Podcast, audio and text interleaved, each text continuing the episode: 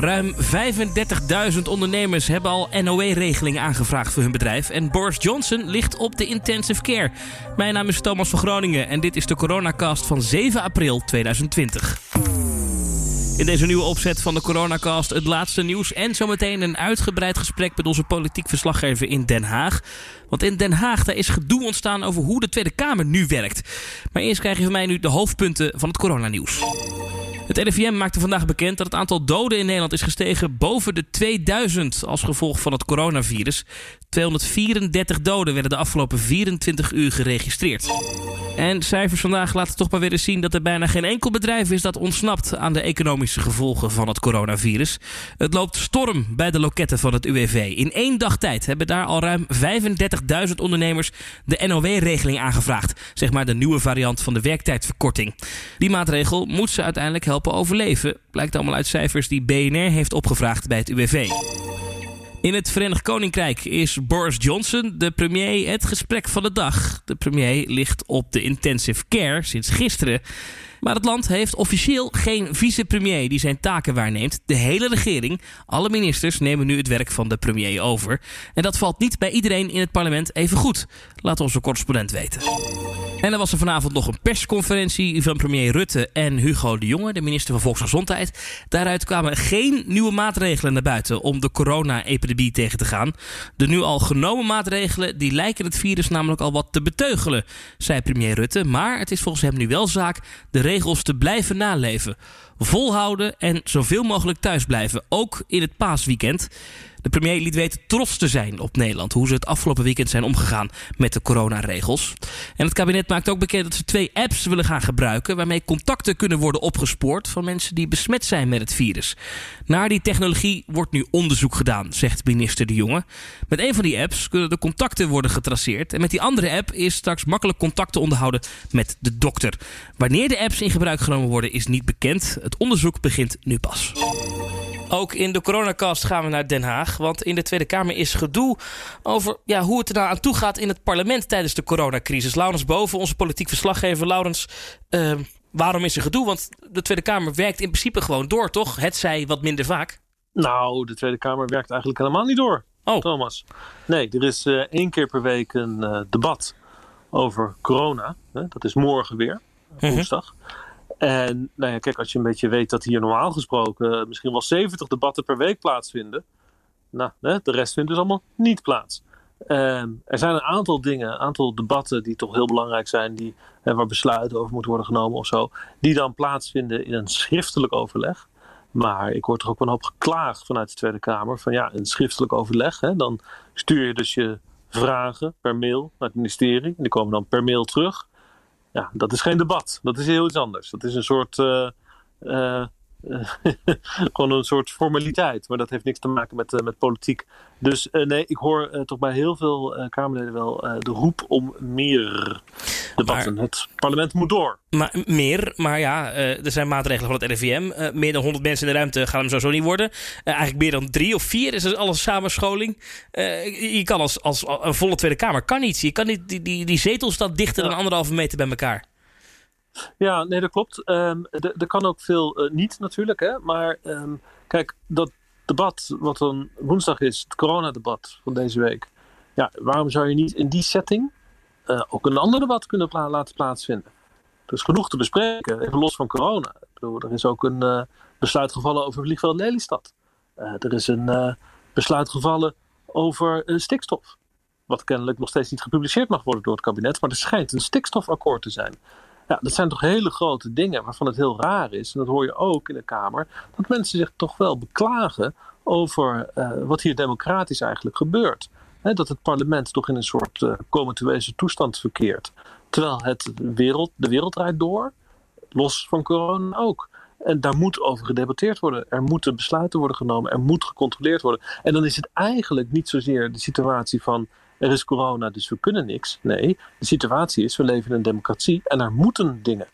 En dan moeten we maar iets bedenken hoe het dan kan. Maar is, dan, is dan de klacht dat het kabinet besluiten neemt uh, terwijl uh, de coronacrisis bezig is? Of is het uh, de klacht dat er niet over die besluiten vergaderd kan worden? Ja, die klacht is er ook. Hè? Dat is Thierry Baudet geweest die dat twee weken terug heel duidelijk heeft gezegd. Van het kabinet moet stoppen met besluiten nemen. Ja, dat kan natuurlijk niet. Um, de, de, de situatie in het land roept soms ook om besluiten. Klimaatbesluiten worden gewoon genomen. Moet ook. Lelystad noemde ik al. Uh, stikstof noemde ik al. Er spelen allerlei Europese dossiers. Dus er moeten gewoon besluiten worden genomen over dingen. En het probleem is inderdaad dat het parlement dus alles voor zich uitschrijft. En uh, je ziet dat ze zoeken naar een manier waarop er vergaderd kan worden.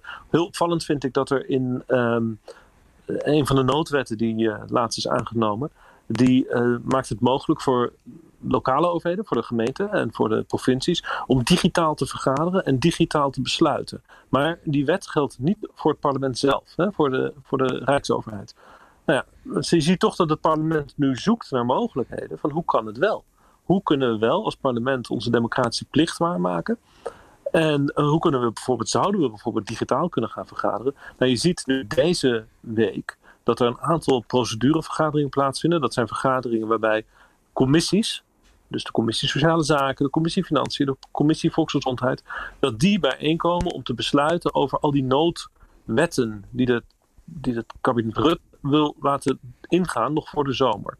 Spoedwetten. Uh, dus daarover vinden vergaderingen plaats over wat ze willen doen met die, met die wetten. Maar dat zijn digitale vergaderingen per videoconferentie. Groot probleem daarbij is, is dat het publiek en de pers niet mee kan kijken bij die debatten.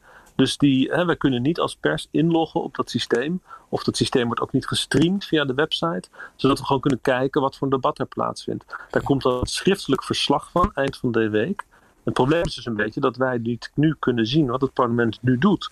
We weten over een paar dagen hoe die debatten zijn verlopen. Er worden wel besluitenlijsten gepubliceerd, maar het is allemaal schriftelijk. En het echte debat ja, vindt, als het plaatsvindt, plaats op een manier die we niet kunnen bekijken. Maar dat klinkt als een technische formaliteit. Dat moet toch te regelen zijn, zou je denken?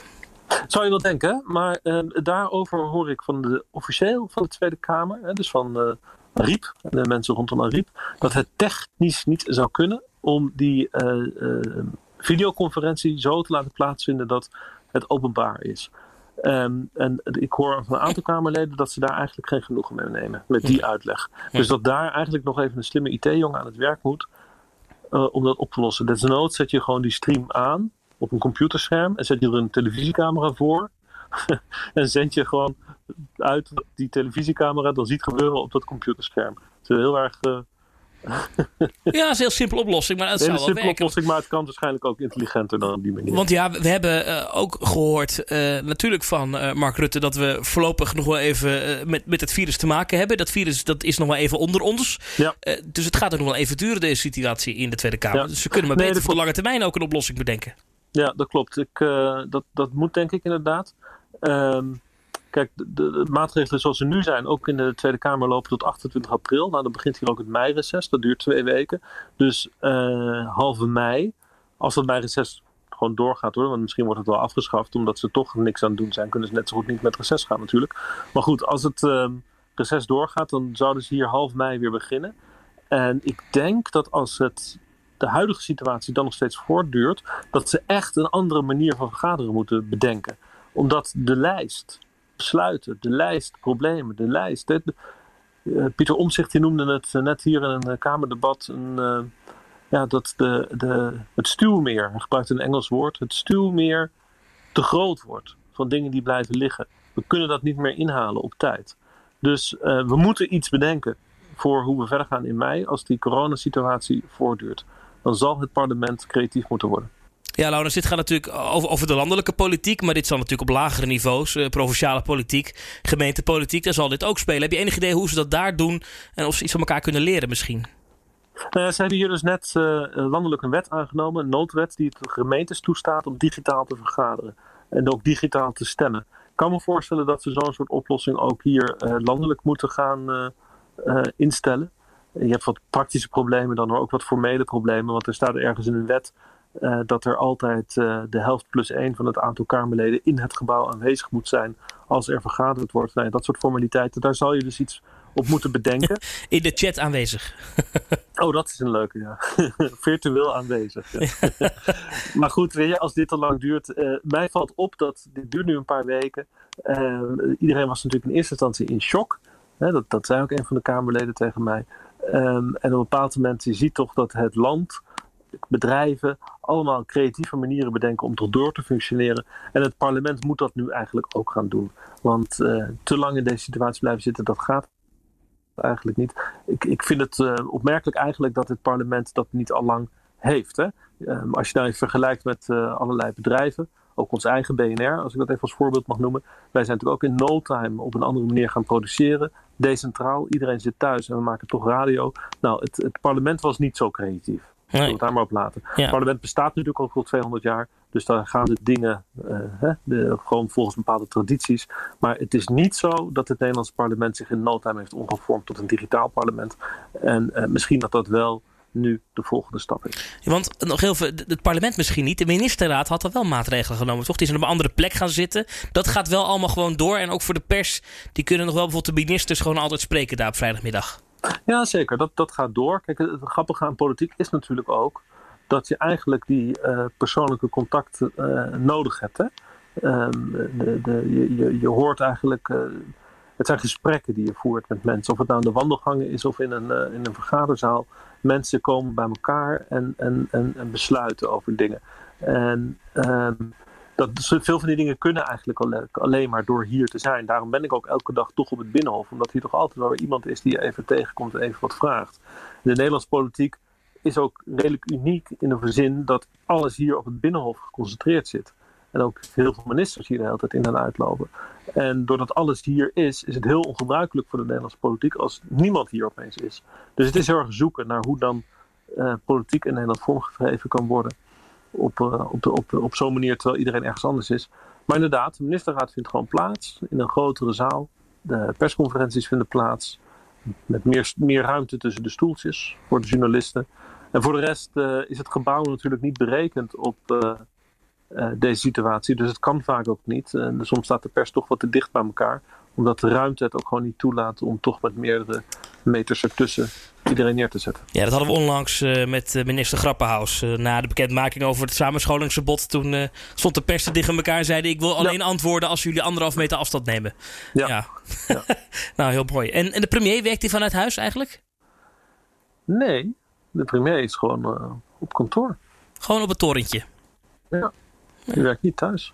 Nou. Zeg je wat? Nou, Laurens, jij nu wel naar huis, neem ik aan? Nee, ik zit nog te wachten op een persconferentie. Die begint om 7 uur. Waar we iets gaan horen over hoe um, lang de maatregelen nog gaan duren. En de tekenen zoals die nu doorcijpelen via de media zijn ongunstig. Het kan wel eens zijn dat het uh, lang gaat duren.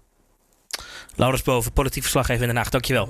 En dat was dan ook meteen de coronacast van vandaag. Van dinsdag 7 april 2020. En wij bij WNR houden ons ook aan de afspraken. En we rekenen op jou dat je het ook doet. Ook al is het mooi weer. Niet naar buiten, blijf binnen.